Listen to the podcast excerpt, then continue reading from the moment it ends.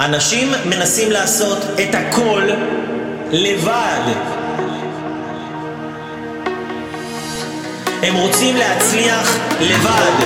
הם רוצים להצליח בעסק לבד.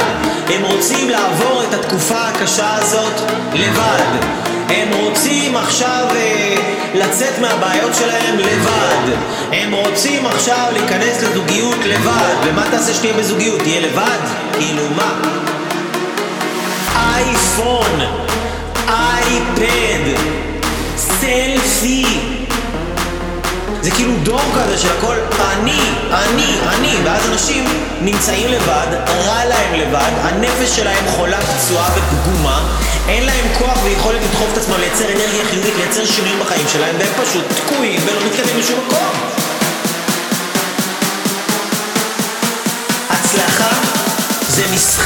קבוצתי.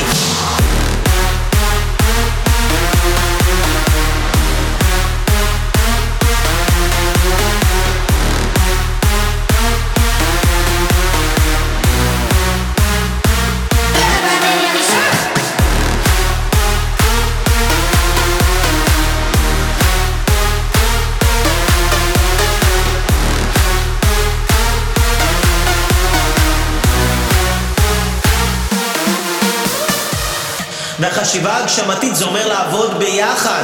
זה אומר אם אני רוצה להגשים את עצמי, אני אלך לבן אדם שכבר עשה את זה. אם אני רוצה זוגיות טובה, אני אלך לבן אדם שעשה את זה.